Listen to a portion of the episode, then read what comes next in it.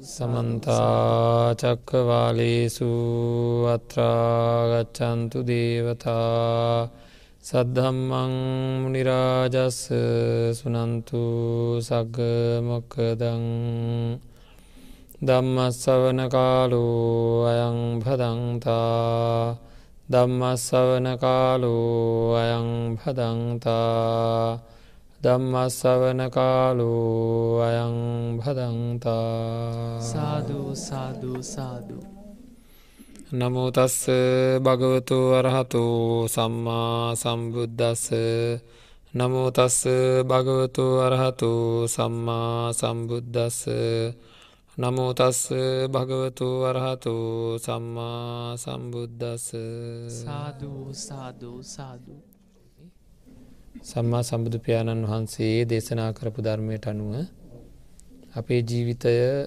සකස් කරගණ්ඩෝ නෑ අපේ සසර ජීවිතය සුවපත් කරගණ්ඩ මේ ජීවිතයේදී අපිට දැනෙන හැඟෙන මේ අරමුණු පංචුපාදානස්කන්දෙහි යථභූත ස්වරූපය මොකක්ද කියලා අපේ හිතට වැටහෙන ආකාරයට අපේ මනසිකාරය සකස් කරගණ්ඩ ඕනේ. එම සකස් කරගත්තේ නැත්තං එහි මුලා වෙලා එහි ඇත තත්ත්වය තේරෙන්නේ නැතුව අපි අපේ ජීවිතය වරද්දවා ගන්නවා. ඒ ජීවිතය වරද්දවා ගත්තොත් බොහෝ පාපයන් ඒක රාසි වෙලා බොහෝ අකුසලයන් සිද්ධ වෙලා සසර ජීවිතය අපි නොහිතන ආකාරයට ලොකු ගැටලුකාරී තත්ත්වයකට පත්වෙනවා. ඉතින් ඒ අපි හොඳින්ම තේරුම් ගණ්ඩෝ නෑ අපිට දැනෙන්නෙවත් නෑ මේ සිද්ධ වෙන සිද්ධිය. දැනෙන්නෙවත් නෑම එක මෙහෙම වෙනවා කියලා. ඉතින් බුදුරජාණන් වහන්සේ දේශනා කරපු ධර්මය අපිට ඕන වෙන්නේ එකයි. ඇයි මේ දැනෙන්නවත් නෑ කියලා කිව්වේ? මේ බලන්ඩ මොහොතකට අපේ හිත්වල කෙනෙක් කෙරෙහි තියෙන බැඳීමක්. අපේ හිත්වල කෙනෙක් කෙරෙහි තියෙන බැඳීමක් අපිට වැඩියෙන් දැනෙන්නේ සැපක් විදිහටද දුකක් විදිහටද? එක සැපක් විදිහට දැයනවා එතකොට අන්න ඒ සැපක් විදිහට දැනෙන්නේ ඒක හින්දා විඳින දුක් අපිට දැනෙන්නේ නැති හින්දා. මේ ජීවිතයත් වැඩිවාරගානක් කෙනෙක් කෙරෙහි තියෙන බැඳීමක් හින්දා දෙයක් කෙරෙහි තියෙන බැඳීමක් හින්දා වැඩිවාරගානක් විඳින්ට වෙලා තියෙන දුක්. මාත්‍රීය සැපමාත්‍ර ලැබෙනව නමුත් වැඩිපුර විඳින්ට වෙලා තියෙන දුක්. ඒ දුක් පේලියක ඇතිවෙන යම් කිසි එක මොහොත කරි ඇතිවෙන සැපයක් තියෙන හින්දා ආන්ගේ සැපය බලාපොරොත්තුවෙන් අපි ඒ දු කොක්කෝම අපිට අමතක වෙනවා.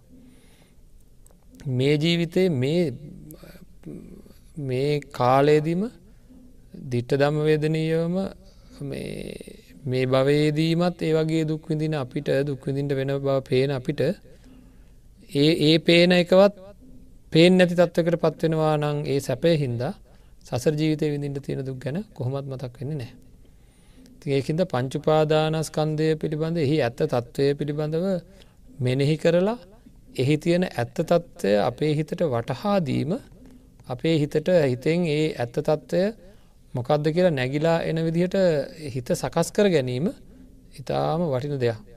ඒකට තමයි ඔය මහා චත්තාලී සාකාර භාවනා ක්‍රමවේදය තියෙන්නේ. ඒක තියෙන අනිත්‍ය දුක්ඛ අනාත්ම ස්වභාවයන් අපේ හිතට ඒක තියෙන අනිත්‍ය දුක්ඛ අනාත්ම ස්වභාවයන් අපේ හිතට වටහාදීමටයි මේ භාවනාව තියෙන්නේ. ඒක වටහාදීමෙන් අපි දැම් මේ දින කීපයම දැන් දින විසිගානක් තිස්සේ මතක් කරනවා ශාන්ත ස්වභාවයකට හිත පත්වෙනවා කියලා හිත අසාන්ත වෙලා තියෙන්නේ හැම්වෙලේම හිත විසිරෙන්නේම පංචුපාදානස්කන්දයෙහි විස හිත විසිරෙන්නේ මේවයි. අපිට ලැබිච්ච ශරීරයක් තියෙනවා නම් අනුන්ට ලැබිච්ච ශරීරයක් තියෙනවා නම් මේක ඉතා ඉහළය මේක හොඳය මේක ඒ කියන්න මේක මේ හොඳ නෑය කියලා අඩාඩින්ට කියලා නෙවේ කියන්නේ ඇත්ත තේරුම් ගරගෙන ජීවත්වෙන්ට කියන එකයි. ඇත්ත තේරුම් අරගෙන ජීවත්වෙන්ට කියන එකයි මේක අපි අපිත් සැලකුවොත් ඇත්ත තත්ත්වයෙන් තොර මේක ඉතා හොඳය මේක සරු දෙයක්ය මේක කරදර නැති එකක් කියලා සැලකුවත් පින්නද මේකෙම läගගෙනන්නවා මිසක්කා මේකෙන් ගැලවෙන්ට හම්බෙන්නේ නෑ. අද අපි කතා කරන්නේ බුදුරජාණන් වහන්සේ දේශනා කරපුදේ බුදුරජාණන් වහන්සේ දේශනා කරනවා පංචක් කන්දේ වදකතෝ පස්සන්තෝ. වදකයක් විදිහට වදකයෝ විදිහට සලකන්නේ නම් යම් කිසි කෙනෙ. නුවනින් දකිට නුවනින් දකින කෙන එක මේ කියව පමණින් හා පංචස්කන්දය වදකයෝ කියලා නෙවෙයි මෙහෙම වදයක් තියෙනවද පංචස්කන්දයෙන් වදයක් තියෙනවාද. එතකොට ඒක වදයක් තියෙනවාද කියලා බලනකොට නුවනින් බලන කෙනෙකුට එක වදයක් කියලා යම්කිසි විදිහකින් දැනුනානං හැඟුණානං අන්න ඒ අය අන්න ඒ මේ ඒ අයට අනුලෝම ශාන්තිය ලැබෙනවාය කියලා. අනුලෝම ශාන්තිය කියන්නේ පංචස්කන්ති දැන් දැන් දැන් කොතන හරි වදකයෝ ඉන්නවනම් අපි වදකයෝ ගැන කල්පනා කරන අනේ වදකයා නේද? අනේ වදකයෝ මට ලැබේවා නේද? කොයි වෙලාද වදකයෝ ලැබෙන්නේ නේද? අරකටයන වදකයෝ ලැබිලා මට ලැබුණ ෑන ඒ වගේ එහෙම මේ නිකං එහෙම නිකන් දුක් ලැබේවා කියලහෙම ප්‍රාර්ථනාවත්තිය නොකව දක්වත් නෑ. එහෙනම් අපි මේ පංචුපාදානස්කන්දය ප්‍රාර්ථනා කරනවා අපි. නේද? රූප ප්‍රාර්ථනා කරනවා. එතකොට වේදනා සැපවේදනා ප්‍රාර්ථනා කරනවා. සංඥා ප්‍රාර්ථනා කරනවා. ආදරය ආදී සංස්කාර ප්‍රාර්ථනා කරනවා. ඒ විතරක් නෙවෙයි නේද? ඊට අදාළව තියෙන දැනීම් ප්‍රාර්ථනා කරනවා. ඉතින් ඒ විඤ්ඥානය ප්‍රාර්ථනා කරනක එතරේ ප්‍රාර්ථනා කර කර ලබාගණ්ඩ හදන්නේ වදක ගොඩක්. හරිද? එතට ඒක ඇත්තටම එහෙමද දන්නෑ කියලා පොඩ්ඩක් අපි බලමු. මේ මං හැමදාම කියන්නේ දැම් බලන්ඩ ජීවිතයේ අපි සැප ලැබෙන්ඩ කියලා නේද? සැප ලබාගණ්ඩ කියලා බොහෝ දේවල් ඒක රාසී කරගණ්ඩ පොඩි කාලිදං හරියට තුක්විදිනවා ජීවිතයේ සතුට සඳහා කියලා. මොකක් දෙකට කියන සාර්ථක ජීවිතයක් සාර්ථක කරගන්න ඉගෙන ගණඩ කියනවා. නේද? ඒවගේ බොහෝ දේවල් ඒකරාසි කරගන්න අපි හරියට දුක්විදින ඒ අදාළ තැනට එන්ඩ ළමයි විභාග පාස්සයට කරන්නේ ළමයිංව විභාග පාස් කරවන්නේ හරියට මහන්සේලා අනේ උගත් ළමේ අපේ ගෙදර ඉන්ඩෝනෑ ඒකටද? උගත් ළමෙක් මොහරි දන්න ළමේ අපේ ගෙදර ඉන්ඩෝනෑ එගෙදරින් ළමය ගොඩා දෙවල් දැනගෙන තියෙන්ඩෝනෑ ඒ අරමුණ දන්න දෙමපියන්ට තියෙන්නේ. නෑ ඉගෙනගෙන මොනව කරන්න හොඳ? හොඳ රැකියාවක් නේද? භවභෝග සම්පත් ඒවා සමාජය උසස් උසස් තැනක් එහෙම කියලා. ඉතින් ඒක ඒක සම්පූර්ණයෙන්ම එකතු කරගෙන ඒවා එකතු කරගෙන ඉදිරියට දරුවාව පත් කරලා ඒ දරුවාට බොහෝ බවබෝග සම්පත් ලබා දෙන්න ඕනේ. අපිටත් ඒ හරහා ටිකක් ලබා ගන්න ඕනේ කියන අදහසෙන් තමයි ඔන්න ගන්නන්නේ අය සුවපත් භාවයකට කියලා. මේක දැනගත්ත ළමයි හරියට දුක්වින්ද දුක්විඳලා ඔන්න මොකද කර? ඉගෙන ගත්තා. ඉගෙනගෙන කොහොම හරි උසස් අධ්‍යාපනය දක්වාම ගිය. එතකම්ම වැඩියෙන්ම වින්ද සැපද දුක්ද? එතකම්ම ඔන්න පුළුවන් තරන් දුක්විඳලා ඊට පස්සේ කොහෝම හරි කරලා දැඟිතින් හරිනේ කියලා නද? පොඩි කාලෙම කිවා සාමාන්‍ය පෙළ පාසුනාව සැපෙන්ගින්ට පුළුවන් ඕකනේ. අන උසස් පෙළ පාසුන ඇති කොහොමත් මේ විශ්වවිද්‍යාලට අනකන සැපෙන්ගින්ට පුළුවන්කිව ගියාට පස්සේ සැපද? ඊට පස්සෙකව රස්සාාවක් හොයාගත්තර පස්සේ උසස් අධ්‍යාපනය කර අපිත් හිතුවා. රස්සාාවක් හොයාගත්තට පස්සේ සැපෙන්ම ඉන්ඩ පුළුවන් කියලා. අන්තිමට කොහොමද රස්සා කරනයගෙන් හල බැලුවොත් හොඳටම තේරෙනවා කොම දෙක සැපය කියලා. ඊට පසිතුව මට ගැලපෙන අයත් එක්ක ගැලපෙනම අයත් එක ගැලපෙන විදිට නද? අදහස් කලපගෙන ජීවත්වෙන්ට පුළුවන් පරස්ථාවක් කරගත්තුත් තමයි සැපෙන්ම ඉන්ඩ පුළුවන් කියලා. ඊට පස්සේ නේද? ඊට පස්සේ ඒකෙන් සැපයක් ලැබුණද? එතකොට මේ හොයාගෙන හොයාගෙන හොයාගෙන යන තැන මොකක්කරි ප්‍රශ්නයක් තියෙනවා. මං හනවා රැකියාව හින්දා. අධ්‍යාපනය ඉවර වෙලා රැකියාව ලබා ගත්හම ඔක්කොම හරි කියලා හිතපු මට තිබ්බට වැඩිය දුක් ගොඩාක් එකතුුණා. ගොඩ දුක් ගොඩක් එකතුුණා වගකීම් ගොඩාකාව නේද? ඊට පස්සේ නද වයින් කරපු බෝනික් එක වගේ දුවන්ටුන හටම හට හටමට ඉවරක් නෑ නේද?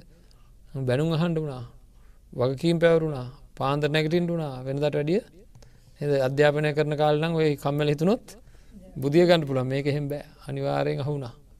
නේද? ඊළඟට හා ඒත් කමන්නෑ කියලා පරස්ථාවක් කරගත්තර පසේ වද අඩුනාද එන්ඩෙන්ඩ එන්ඩෙන්ඩ එන්ඩෙන්ඩ දරු ඉට පසිතුව දරුව හම්බුනම් හරියනවා කියලා. ඊට පසිතුවා දරුව පාසල්වලට දාපුම හරියනවා කියලා.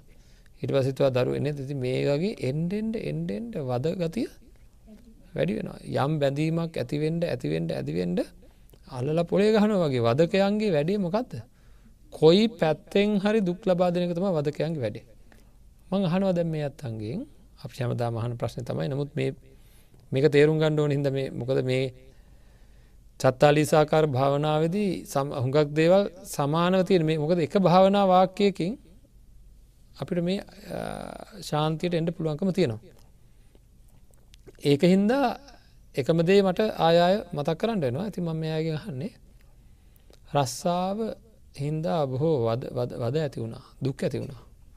රස්සාාව නැති වුණොත් ඒත් දුකයි. දරුව හින්දා බොහෝ දුක් ඇති වුණා. දරුව නැති වුණොත් ඒත් දුකයි. නේද? විවාහය හින්දා බොහෝ දුක් ඇති වුණා. නේද? වද ඇති වුණා. විවාහය නැති වුණොත් ඒත් දුකයි.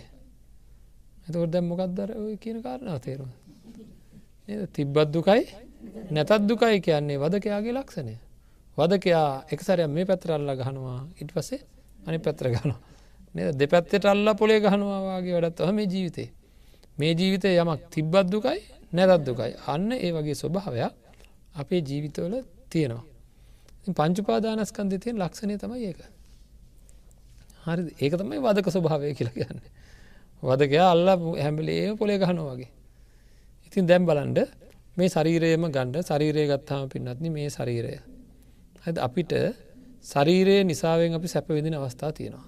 ඇත්ත. නැතුව නෙවේ නද? චක්කු සම්පස්සජ සෝත සම්පස්සජ ගාන සම්පස්සද ජීවයා සම්පස කාය සම්පස මනෝ සම්පත්සද වසයෙන් මේ හම්බෙලා තියෙන එකේ සැපවේදන හැදෙනවා. හරිද? මං හැමදා මතක් කරන්නේ යම් සැපයක් ලබා ගැනීමට අවශ්‍ය කරන මෙහෙවුමේදී ශරීරයට වැඩිපුර විඳින්ට වෙලා තියෙන්නේ තික දුක්පේදී දිග දුක්පේඩියක් විඳින්ට වෙලා තියෙන්නේ. එතකොට ශරීරයේ විතරක් ගත්තොත් මේ ලැබිලා තියෙන ශරීරය බලන්ඩ පින්නත්න උදේ උදේ දවසක උදේනං හැන්දෑව නිදාගන්න මොහොත දක්වාම මේ ලැබිච්ච ශරීරය පවත්වා ගණ්ඩ සහ මේක නඩත්තු කරගණ්ඩ උදේදං හැන්දෑවනකං අපි සැපවේදනා දුක්වේදනා අදුක් අසුක වේදනා කියලා ප්‍රස්ථාරයක් ඇන්දොත් අදුක් අසුක වේදනා මැදින් තියලා ශරීර දුක්වේදනා ඇතිවෙනකොට සැපවේදන ඇතිනට ප්‍රස්ථාරයක් ඇන්දොත්. වැඩිපුර වෙලාවක් මේ ප්‍රස්ථාරය කොහෙ තියේද? දුක්වේදනා පැත්තේ තමයි තියෙන්නේ. නද? බොහෝ දුක්විඳ අතරවාරයේ කෑලි කෑලි සැප වගේ කෑලි කෑලි සැප වගේයක් තියෙනවා. ඉතින් එතකොට අපිට හොඳට බලාගෙන හිටියොත් අපේ මේ ශරීරය දිහා මේක අපිට දෙන්ඩ තියෙන වද ටික ඕකොම දෙනවා. ආය මොනුවත් නෑ උදේ නැගිට වෙලා නැගිටින්නෙම රිදෝගෙන. නේද? ඇඳේ ඇඳේ ඇහැරෙනකොටම රිදෙනවා. නාත්‍රී දෙනවා කකුල්රි දෙනවා නැගිටින්ට බෑ බෑ කියනවා. නේද? ඉති නැගට ඇද ඉදගෙන ටික් කලා ඉන්ඩෝනිස්සෙල්ලා මේ හරියනකම් කැරකිල්ල වගේ තියෙන හරියනක නේද? ඉතින් ඒ හරකිල්ලා ඊට පස නැගිල බලන්නට මෙයා මොකද කරලා තියෙන් සම්පූර්ණයම කටයකුණු කෙල පුරෝලා මන් නැගිල්ල බලන්නකොට නේද? ඇත්වල කබ පුරෝලා කාටවත් පේන්ට පුළුවන් විදිහට නෙවෙයි. නේද? පිළිවෙලකට ම හොඳට නිදාගත්ත පිරිසුදු වෙලා ඔක්කොම කරලා පිරිසු ඇඳුමක් ඇඳගෙන නේද? නිදාගත්තේ. නෑගින්නකොට කරන්න ොන්ටි ඔක්කොම කරලා මේක ගණ්ඩම දෙයන්න ඇද ආයති මේ කර යන්ටුන මොන්න සීතල තිබ්බත්? නේද? මොන්න සීතල තිබත් මේ කරංගිහි හෝ දන්ඩෝ නෑ දත් මදින්ඩෝ නෑ ඔක්කොම කරන්නඩෝ නෑ පිරිසුදු කරන්නඩෝ නෑ කොඩ පිරන්ඩෝ නෑ ඒ ඔක්කෝම කරලා පිරිසුදු කරලා ඒ ඒ මදිවට ඒටික කරන්න ඉස්සල බඩ දන්ට පටන් ගන්න නේද? මේකට මොහරි දාන්නඩ නැගිට්ටක ම මොහරි දාන්නඩෝන නේද? ඉ සමහරකට මොතගන වතුර අරගෙන කොටස් කොටස් කල බොනයි පාරන්න එද කෑලි කෑලි වතුර බොනවා. මේක මේක හදාගන්න මෙහෙම කරන්න ඕන මෙහෙම කරන්න. ඒමදර වයසට ගාන මේක අරගෙන මේක ඕවන් නේද? රුදිර පීරණය බලන්ඩෝ නෑ සීනි බලන්ඩෝ නෑ නේද? මේ ඔක්කෝම කර කර ඉතින් දැන් ඕවා කියන්න ගියොත්තෙම ඉවරක් ඉවරක් නෑ. ඉට පස මොකද වෙන්න? දාඩිය දානවා නේද? දැන් පිරිසුදු කරගෙන ඔක්කොම කරගෙන ඒත් හරියන්නේ ට මේකට මේකට කවන්ඩ පොවන්ඩ ඒමදිවට වතුරුවක් කරන්න වතුර වාල්දි පණහක් අදවසකට වක් කරන්න ඕන. නේද? ඊළඟට එක තැන ඉදගෙන ඉට දෙන්න දැම බානු දැන් තවචුට්ට වෙලාගේවා මත් මේ කකුල් මාරු කරනවා හැරෙනවා අනි පැතැන ඉන්ඩ දෙන්න දන්න දවසන ඉට දෙන්න රත් කරන චුට්ටක් එක තැන හිටියෝ රත් කරෝනවා. හතකොට නලියනවා. නලියවන්ඩෝ නෑ හෙල්ලෙන්ඩෝ නෑ එද කසන්ඩෝ නෑ දඟලන්ඩෝ නෑ මවකුසේ මවකුසේ ඉඳලම දඟලනවා අපි. තාම දගලනවා නේද? තාම ඉති මේ කය ගැන බැලුවොත් මේ කය අපිට පුද්දුම වදයක් දෙන්න. මේ කය ඇවිල්ලා තනිකර වදකයෝ වගේ. ඉඳලා ඉඳලා අර වද දෙන වද දෙන වද දෙන මනුස්සයට ඉඳල ඉඳලර වතු ටිකක් එහෙම දෙන්නේ. ඒවගේ අපිටත් පොඩ්ඩක් නේද? පොඩි සැපයක් කොහෙන් හරි ලැබෙනවා මේ කය හින්දා. ඉලට ඒ මදිවට මේකත් එක්කම ඊළඟට හම්බෙනවා මොනවාද? තව බෝන සුත් හම්බෙනවනේ ඒවද මදිවට චක්කු රෝගෝ සෝත රෝගෝ ගහන රෝගෝ ජීව්‍යා රෝගෝ කාය රෝගෝ සීස රෝගෝ කන්න රෝගෝ මොකරෝගෝ දන්තවත ඉවරක් නෑ නේද? ඉවරක් නැති රෝග ගොඩක් මේකේ මේ ශරීරයේ මේ හැදිලා. ඉතින් ඒ හැදනේ වහින්ද ඉලාට මොකද නැගිට ගණ්ඩ බෑ. වෙලාකට නැගිට ගණ්ඩ බෑ. නේද? හිසේ කැක්කුම් බඩේ කැක්කුම් දතේ කැක්කුම් ඉළඟට සල්්‍ය කර්ම කරන්න වෙන ඒවා. හයියෙන් කොහත් හැප්පෙන්ඩවත් බෑ. නිකං ඇගිල්ලක් මවාකරෙකට වැදුනත් පුදුමරිදිල්ලා ඒවගේ මේ මහා වදක ශරීරයක් තියෙන මේක පොඩ්ඩ ඇත්තන් නිදරේරුකාන් චන්දම සායන්හන්සේ ලීලා තියෙන්නේ නේද? මේක මැරෙන්ඩමයි හදන්න. එම වලියත උන්හන්සේ මැරෙන්ඩ හද පොඩ් ඇත්තම් මැරෙන්ට හදන ශරීරයක් අපිට තින ය බේරගෙන ඉන්නවන පොඩි දෙයක්ුණු මැරෙන්ට හදනවා කියලා. ඉතින් ඒ වගේ ඒවගේ මේ රූපය කියනක මගේත් අනුන්ගෙත් ගත්තහම නේද? මේ සංකල්පය අපිට එන්ඩෝ නෑ මං විට කලුත් මතක් කර මේ සංකල්පය ආවනම්. හරිද? මේ සංකල්පය හරියට ආවනම් පින්නත්න්නේ මං මේ අයගෙන් හනවා කාට හරි මේ කාටහරි කොහැරි තැනක මහා දුක්ගොඩ පහළ වුණොත් අපි සතුට වෙනවා දේකට අපි සතුට වෙනවාද? නෑ. ඒකට අපි සතුටෙන් විදිහ නෑ. අන්න බන සංකල්පය හරන එහෙම වෙන්ඩෝන මේ මනුස්සයා කොහැරි තැනක මහා දුක් දෙන තැනකට අහු වෙලා අවුරුද්දක් කියාද හත අපිතමකො වදකව වදකයෝ ඉන්න තැනකට අහු වෙලා හරියටම අවුරුද්දක් හිරේක වෙල්ල වද සහිත තියෙන බරපතල වැඩ සහිත මේ හිරේකට අහවෙලා අවුරුද්දක් ගයා කියලා. අපි කට්ටියකතු වෙලා අන්න අරයා හිරේ ගිහිල්ලා වද සහිත තැනකට වැටිලා අවුරුද්දක් ගියා කියලා එන්ඩ අපේ ගෙදරට කියලා පාටියක් එහෙම දාල කට්ටියට කණ්ඩ බොන්ඩ තිීලා අවුරුද්දක් වදවින්දා කියලා අවුරුද්දක් වදවින්දා කියලා සතුටුවෙන්ට පුළුවන් අපිට? අවුරුදු පණහක් වදවින්දා කියලා සමහරය සතුට වෙනවා. අවුදු හැටක් වදවින්දා කියලා සතුට වෙනවා. කට්ටියට වෙන්ඩ කියලා කාණ්ඩ දීලා බොන්්ඩ දීලා තෑගදීලා තේරෙනවද සංකල්පය? නේද? ආංක අනි පැත් හැරෙන්ඩ ඕනෑ. එදා සමරනවා කියනකේ තේරුම මොකක්ද අපි පංචුපාදානස්කන්දය සැපයි කියලාරගෙන ඒක වද වද එකන අපිට වැරදිලා තියෙන්නේ. මේක තේරුම මේ ශරීරය හම්බුණ කියලා මූුණ එල්ලගෙන කාත් එක්වත් කතා කරන්නේ නැතුව හරිද? මේ මේ වැඩ කරන්නේ නැතුව වදයක් අහුනා කෙලවෙල එහෙම පැත්තරලා ඉට කෙනෙක නෙවේ. හරිද? දෙකටම යන්ඩ එපා. එහෙම පැත්තකරලා ඉන්නේ අවබෝධ කරගෙන ජීවත්වෙනවා.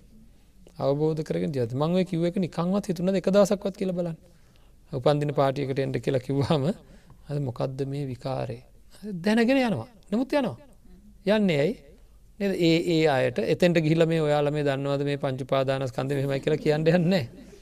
හරි එහෙම කියන්න යන්න එහෙම කියන්න පුළුවන් ඉන්න ඇතන එතම ධර්මාබෝධය තියෙන යහලුව ඉන්න කල්්‍යයාන මිත්‍ර එකට ඇතක පැත්තරලා ඕන්න කතා කරන්න පුළන් බලන්ඩ අපිත් මෙහෙමන හිටියේ.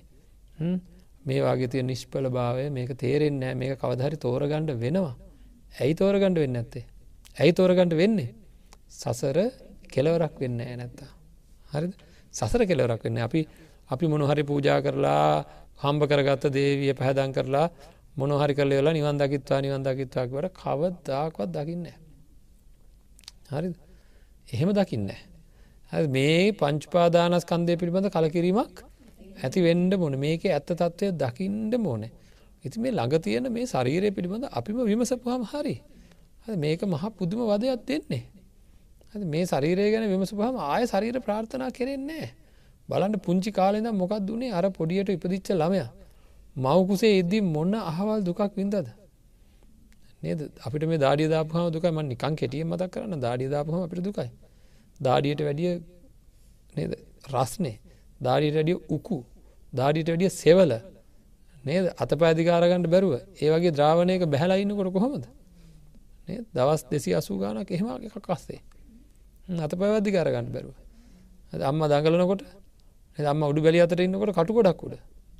අම්ම උනුවතර බීපහම තැන් අපි දන්නවා උනුවතර ටිකක් බීපහම අපිට ඇඟට රස්න ගතියත් නතකොට ඇතුළ ඉන්න කෙනට කොච්ච රස්නේද ඒ වගේ කොච්චර හිතන්ට දෙවල්තින දේවතම ඇත්ත. තර ඒ වගේ මහා දුක්ගොඩක් විදින දුක අපිට සම්පූර්ණය අමතක වෙනවා. අමතකෙන බැඳීම හින්දමයි අම්මෙකුට දරු ප්‍රසූතියකුදේ ඇතිවන්න වූ වේදනාව අතිමහත් වූ ලෝකෙ තියෙන වේදනාතරින් අතිමහත් වූ වේදනාව. නමුත් දරු පැටිය දකින මාත්‍රයෙන් අම්මට ඔක්කොම අමතක වෙනවා. ඒ අමතක වෙන්න අන්න බැඳීම. මේ ලෝකයේ බැඳීම් මේ ලෝකයේ ආසාවල් මේ ලෝකයේ උපදින සතුට දුක් වහල දානවා.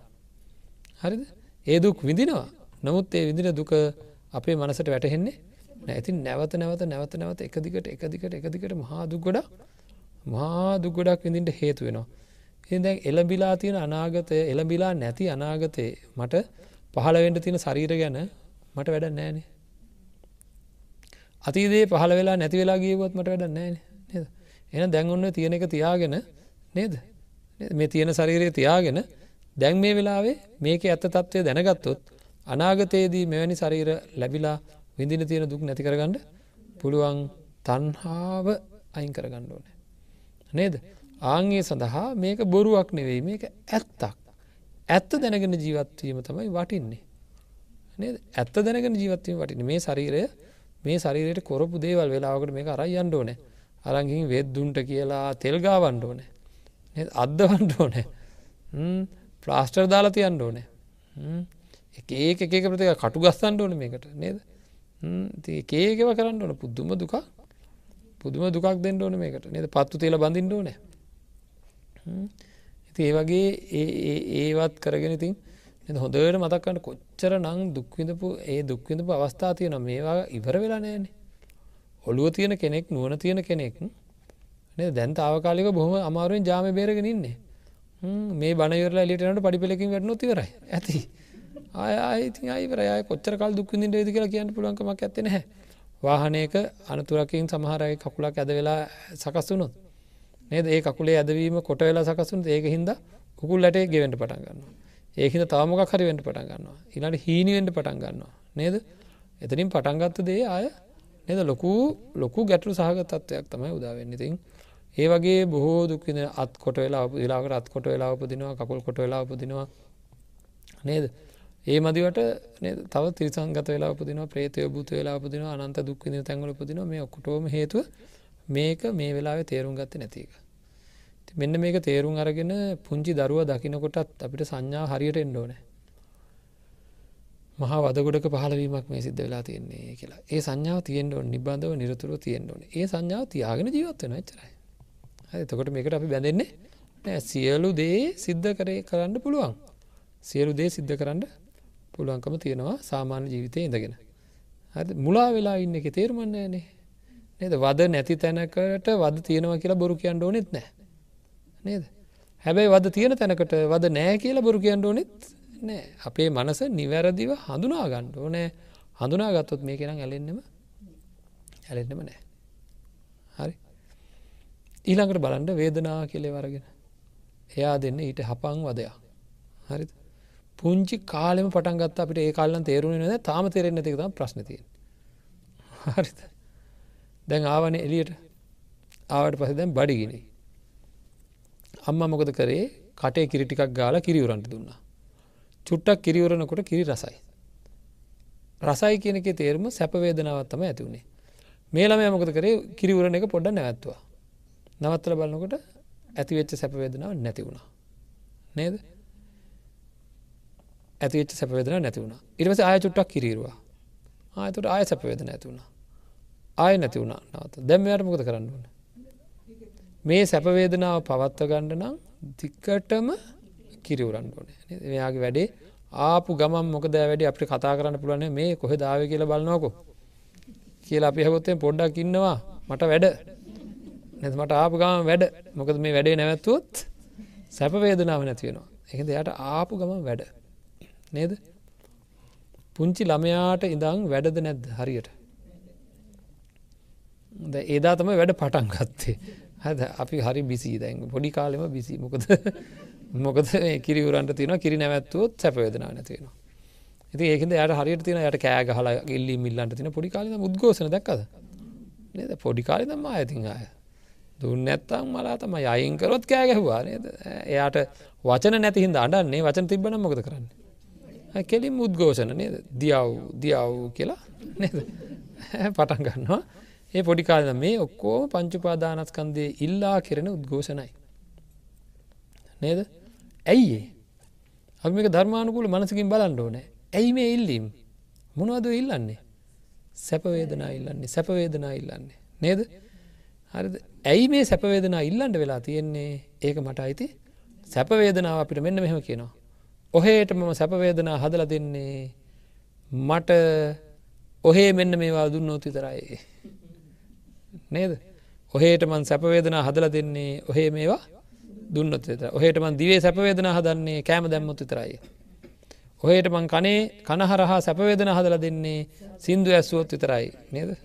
හරි එතකොට ඒ අදාලය අස්තවන්න ඕනෑ. ඔහේට මම නේද කය සැපවේදන හදල දෙන්නේ මේ මේ විදිහට කටයුතු කොරොත් විතරයි කියල ඒවා කරොත් විතරයි සැපවේදනතින් හරි ඇති ඒ පොඩ්ඩක් අයිගෙනකට පුද්දුම අසපුරසකමත්ති නර අපි කියන්නේද අර හිතුවක්කාර අපි අපි ළමයකට මොනහරි කියලදිලා ඔය විදිහට ඉන්ඩ හාහොම ඉන්ඩ කියලා පොඩ්ඩක් එහෙම වෙනකොටම පරණ විදිට හට හට අපින පුදුම හිතුවක් කාරකමත් තියෙන්නේ. නද? පොඩ්ඩක් එහෙම වෙනකොට මෙහෙමයිනය කියලා කියනවා. ආංගේ වගේ නේද? මේ සැප වේදනාව අපි අවශ්‍ය කරන දේ ප්‍රත්‍ය දෙනකම්ම තියෙනවා. සමහර වෙලාවට හරි වැඩේ තමයි. මොන්න තරම් හිතුවක් කාරතියන මොන තරම් අසත්පුරුස මොන තරම් වදයද දෙන්න කියෙන සමහලට ප්‍රත්‍ය දෙනකොටත් මොකද කරන්න. දෙනකොටත් නැති කරනවා. දැන් අඹවක් කරනවා මං දිවේ සැපවේදන ගණඩයට ඇත කතා කරන ඉන්න ඉන්න ඉන්නමට සැපවේදන ටිකක් දෙන මං මිය අප ටිකක් වක් කරන්න කියල දිවඩුවක් කරනවා. සැපවේදන හැදන ටිකක් කලාවක් කරන යදමකද වෙන්න?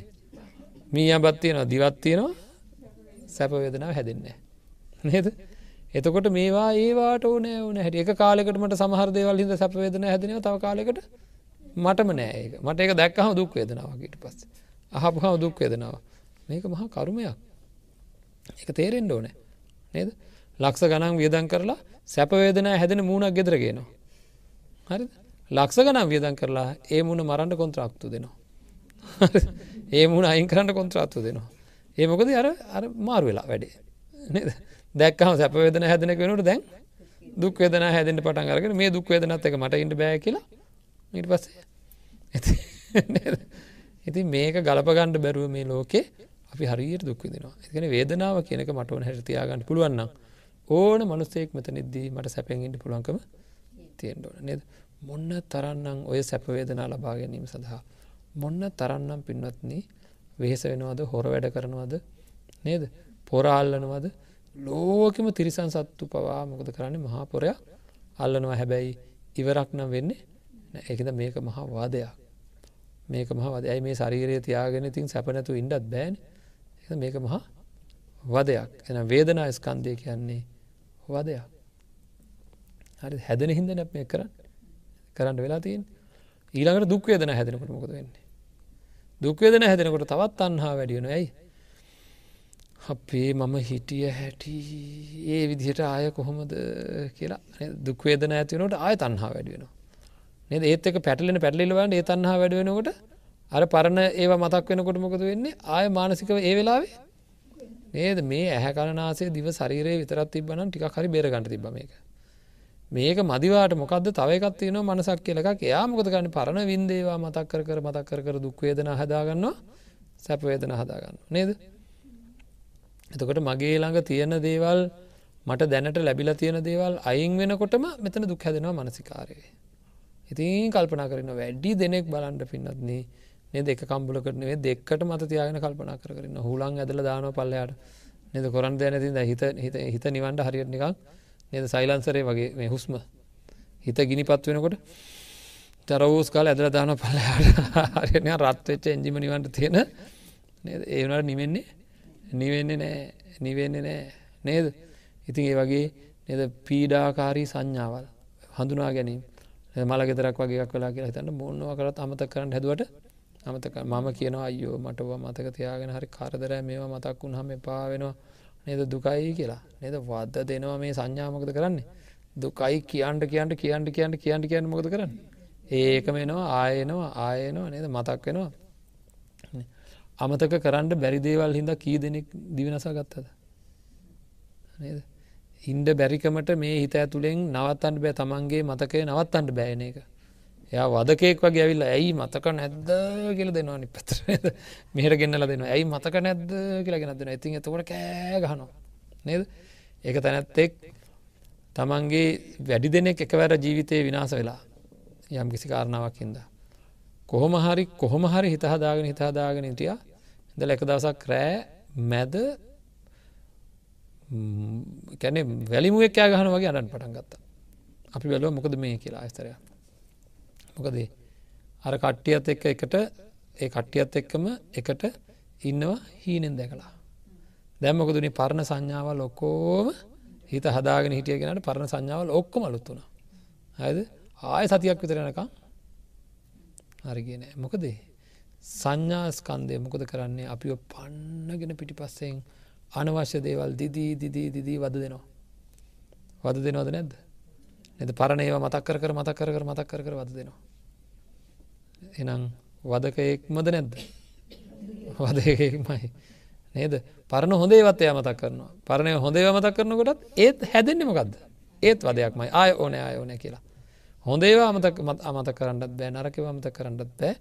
එනම් දෙපැත්තර අල්ල පොලේ ගහනවා කියන්නේ එකයි නද? පරණ හොඳ මතක් කරත් දුකයි? පරණ සැප මතක් කරත් දුකයි? පරණ දුක් මතක් කරත් දුකයි? එතර කොහොමත් දුකයි? එනම් එහෙම එක්කට අපි මේ එහෙම එකක් නේද? එක්ක නේද මේ මැරෙන්ඩ හදන්න?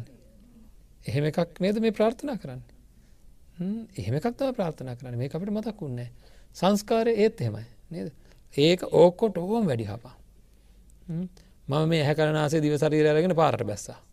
ඉතින් බොහම සන්තෝසයෙන් ගමනක් යන්ට පාරට බැස්සේ. මෙහෙම කළ බලනොකටම දැක්කේ තරහකාරය.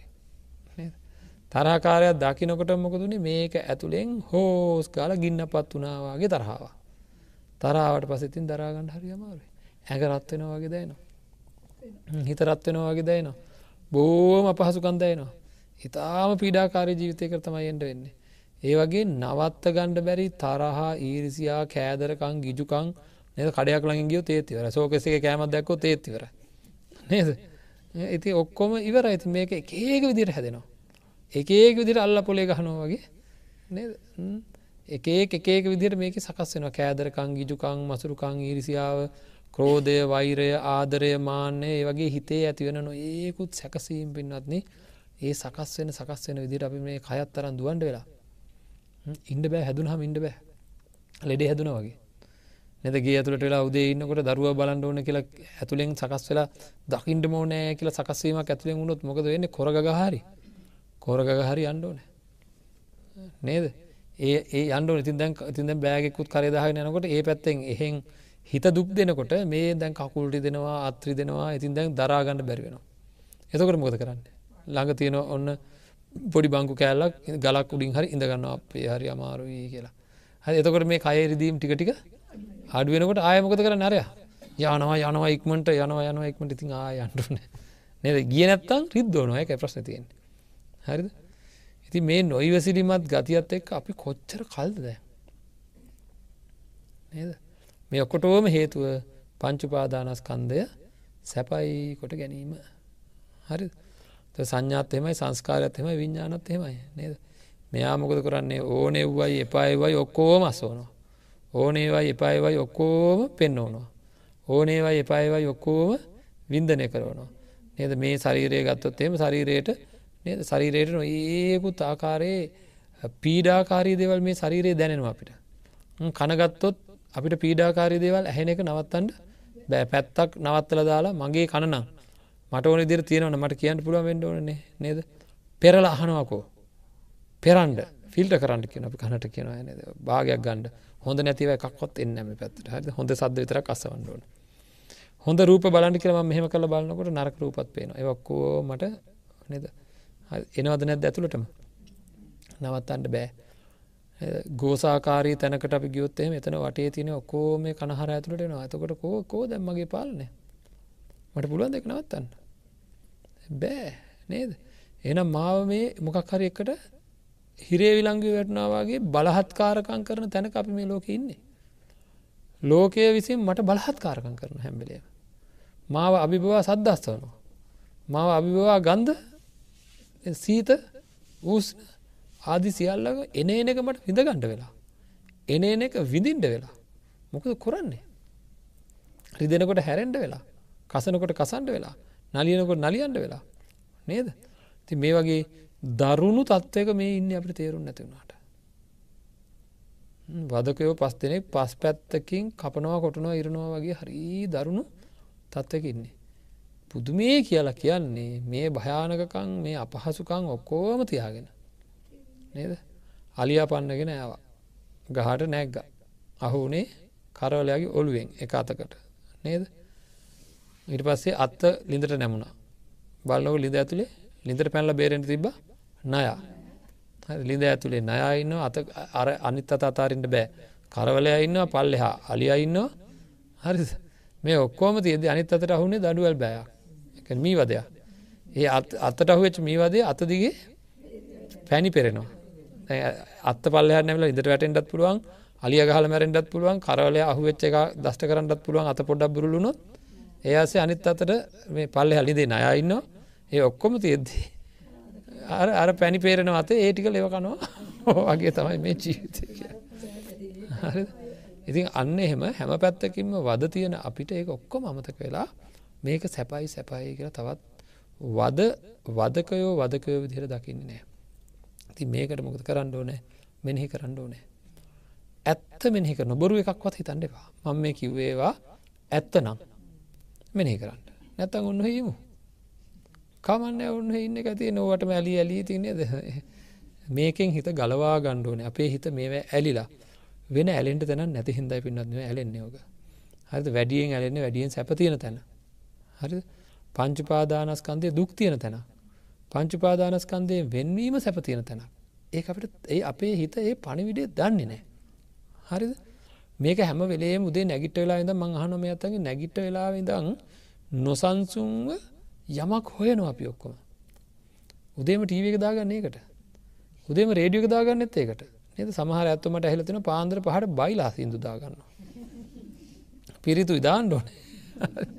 එ සමහර ගෙවල්ල එහමතින උදේම දාගන්න සිින්දු. හයිියෙන් දාගන්න මොකදේ බෑ ඉන්ඩ පාරයනකොට තර ඇබ දෙක ගහගන්න යන්නේ. ඇයිඒ කන්නට ඇබ දෙක ගහගෙන යන්නේ.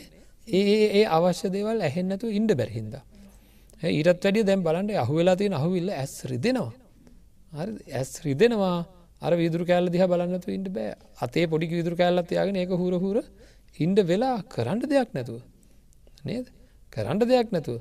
මේ ජීවිතය අල්ල පොලේ ගහනව කියන්නේ එකම හැවලේම ඇස්රි දෙනවා නිදි මත එනවා. ඒත් අමාරුවෙන් හරි ඉන්ඩ වෙලා අපිට තේරුණේ නෑ අපේ ඇතුලාන්තය ඇතිවෙන සංස්කාරයම එකයි කියලා පංචුපාදානස්කන්දේ ඇලී ගැලී වාසය කරනවා ඒකෙන් එයා හරීර දුක් විඳෙනවා මාත්‍රිය සැපයක් විඳිනවා. ඒ හිත ඒ මනසිකාරය දන්නේ නැහැ මේකින් අයිුණුත් විශාල සැපයක්ත්තිනවා කියලා. එතකොට පංචුපාදානස්කන්දය දුකයි කියලා කියනට බුදු හාදුරට බයිනවා. හරිද දුකයිකින්න දුකයිකින්න හැමකරම දුකයි කියනවා කියලා බුදුරජාණන් වහන්සේරත් එක්ක බයිනවා. ධර්මයට බයිනවා හිත නිග්‍රහ කරනවා.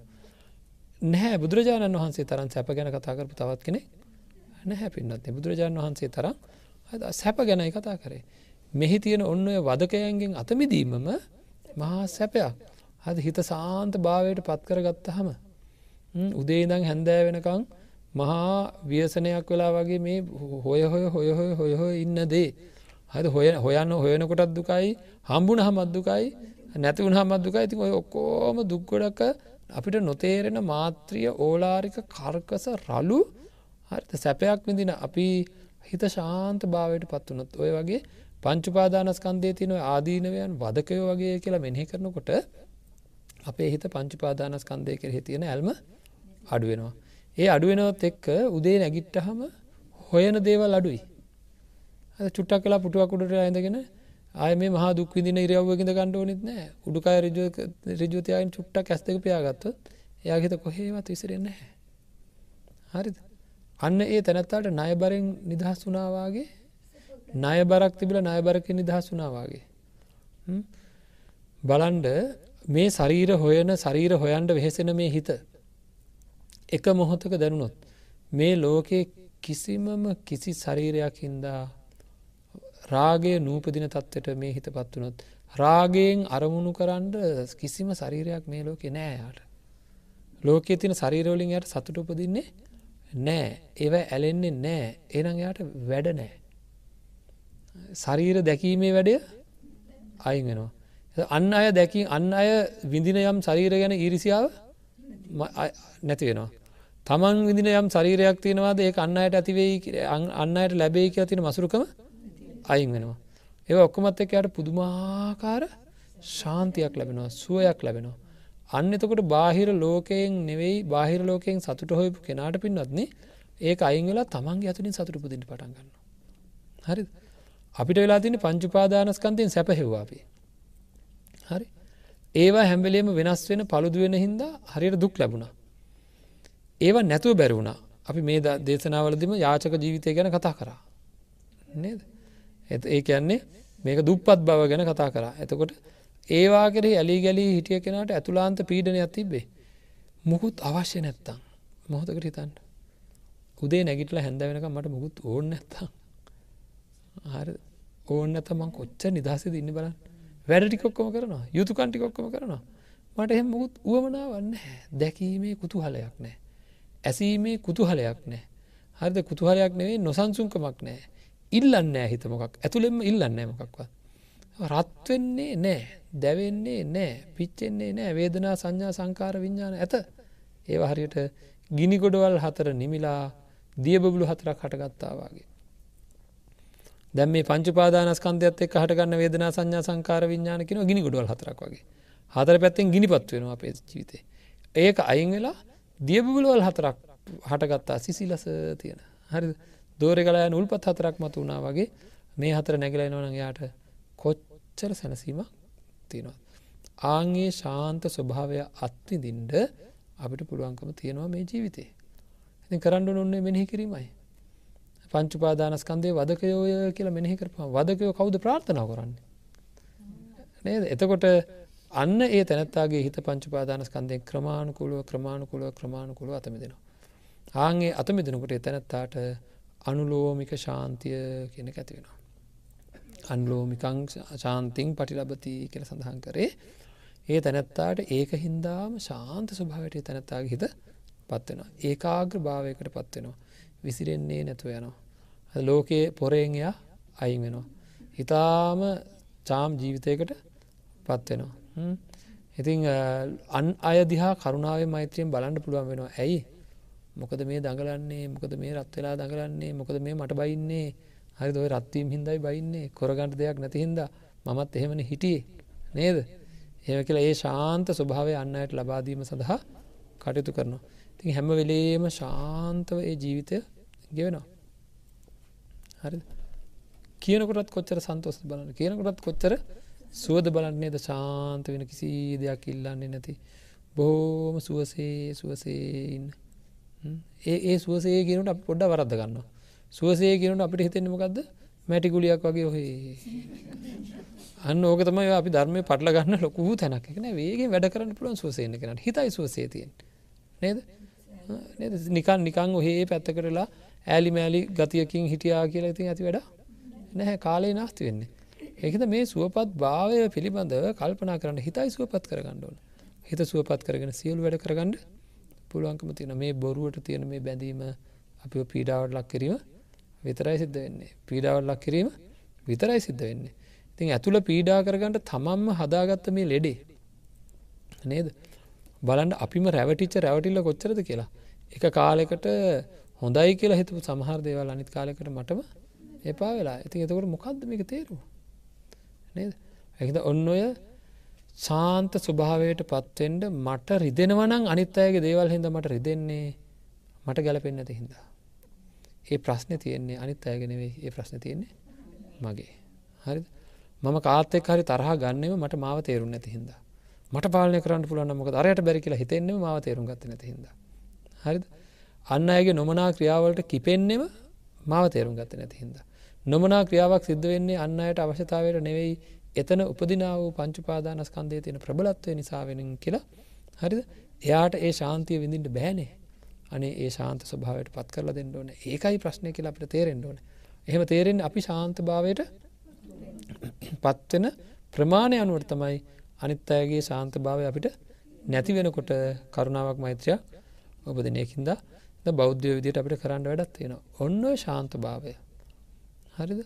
ඒක ලෝක තියෙන හැම දෙයක් කරේ මහ විශාල පරාසයකට පැතුරුණ හම එකට එක තමයි අනුලෝම ශාන්තිය කැන අන්නේ ශාන්ත භාවය තමයි අපිට යම් දවසකදී හරි මේ පංචුපාදානස්කන්දය වදකයෝය නිවනේ එවැනි වදයක් නැත පංචුපාදානස්කන්දේ නිරෝධයම සැපය කියලා දැනුන හම අන් නිවනේ හිත පිහිටනවා. හරිද නිවනේ නිවනේ හිත පිහිටනවා. එතකොට ඒ නිවනේ හිත පිහිටනකොට අපිට ටික ටික ටික ටික ක්‍රමාණුකූලව ක්‍රමාණුකූලව ඒ නිවන් අරමුණු කරගත්ත හිත පංචුපාදානස්කන්දයෙන් අතමෙදිලා